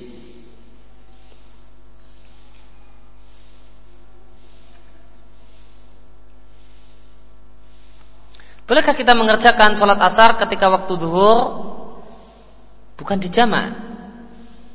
Loh, apa namanya? Sholat asar ketika duhur, namun dalam kurung bukan di jama. Ya jama berarti kan? Tapi karena pada waktu duhur ada hujan, sebagaimana kita lakukan juga pada sholat maghrib dan isya. Saya nggak paham jadinya. Eh, asar di waktu duhur, namun dia katakan bukan jama. Apa yang dimaksudkan? Ini berkaitan dengan masalah menjamak duhur dengan asar. Ya, ya, apakah diperbolehkan karena hujan? Uh, maka ini di antara perkara yang diperselisihkan oleh para ulama.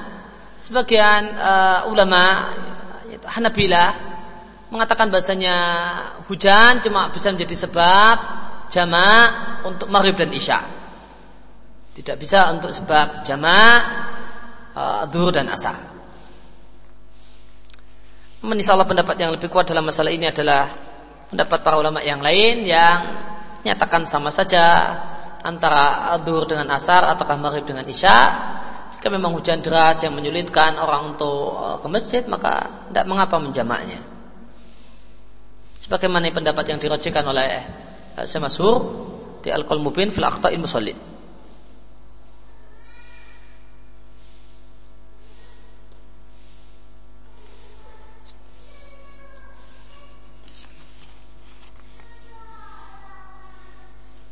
Manakah yang lebih utama berdakwah kepada orang tua ataukah menuntut ilmu syar'i? Yang pertama perlu rincian. Kalau global seperti ini, maka jawaban saya global.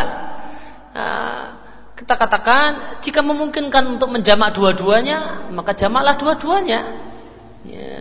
Jika dia harus menuntut ilmu syar'i di tempat yang jauh, ya, maka waktu bisa pulang, pulang dan manfaatkan untuk mendakwai orang tua.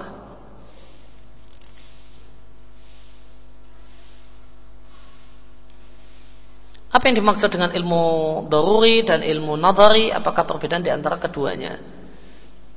Ya, pengetahuan yang didapatkan secara uh, tanpa perlu orang itu berdalil, tanya dalil, itu pengetahuan doruri. Ya, maka satu tambah satu itu dua, itu doruri. Nggak perlu dijelaskan. Kenapa satu tambah satu sama dengan dua? Butuh rincian? Nggak butuh rincian. Nggak perlu penjelasan detail. Namun perkara yang membutuhkan penjelasan yang detail lebih panjang uh, supaya orang faham maksudnya maka itu ilmu nadari.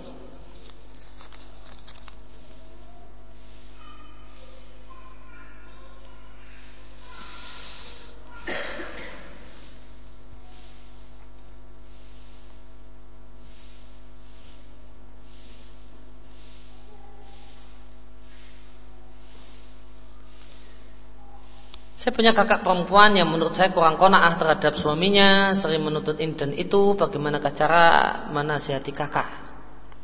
Ini. Jawabannya ya e, mungkin bisa mengajak diskusi dengan kakak tentang keadaan orang lain yang lebih susah. E, diingatkan kalau punya data-data tentang orang-orang yang lebih susah ekonominya, ya, itu diingatkan. Rasanya ternyata dia jauh lebih baik. Karena orang itu tidak kona'ah jika dia melihat orang yang lebih atas dalam masalah dunia. Kalau orang itu melihat orang yang lebih rendah dalam masalah dunia, maka ya, dia akan menjadi orang yang ya, kona'ah insya Allah Ta'ala. Kiat-kiat untuk menjadi istri yang solihah. Maka kiat pokoknya yang sekarang bekali diri dengan ilmu syar'i sehingga eh, terutama ilmu syar'i tentang masalah kewanitaan, Eh, belajarlah dengan sungguh-sungguh tentang banyak hal tentang masalah uh, ada pada wanita, ada kemudian ada pada seorang istri. Uh, dan uh, ya dan itu tanamkan dalam hati bukan hanya sekedar dalam sekedar jadi wawasan.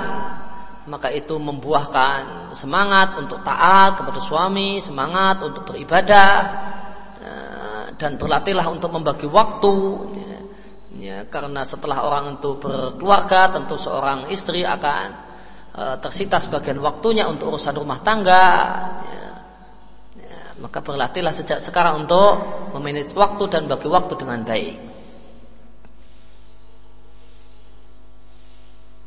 Apakah ada hadis yang sahih yang menyebutkan surga ada di telapak kaki ibu? Iya ada. Apakah hadis yang terkenal merupakan uh, al-jannah atau tahta akdamil ummahat? Uh, apakah hadis yang sahih? Jawabannya hadis yang tidak sahih. Namun terdapat, namun maknanya sahih.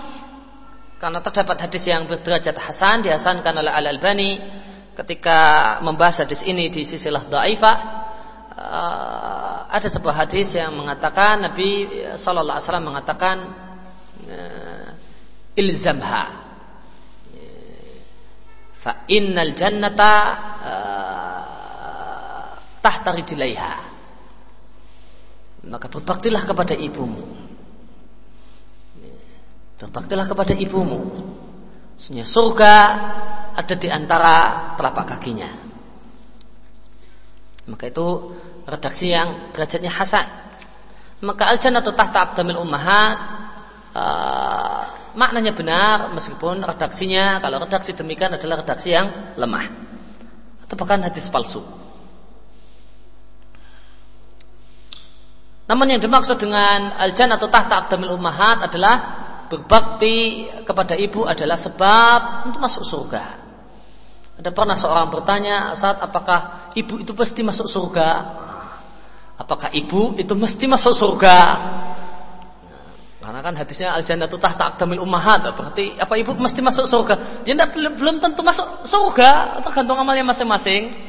Namun apa yang dimaksud al jannatu tahta aqdamil ummahat adalah ya, berbakti kepada ibu adalah sebab masuk surga.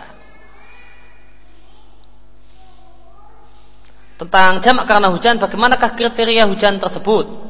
Apakah gerimis termasuk dalam kategori ini?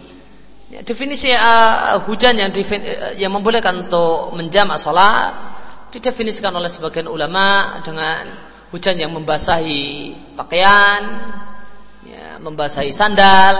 Maka ketika orang itu keluar klebus bahasa Jawanya, nah itu uh, boleh jamak. Ya, ya. Orang keluar kemudian basah kuyup maka boleh jamak.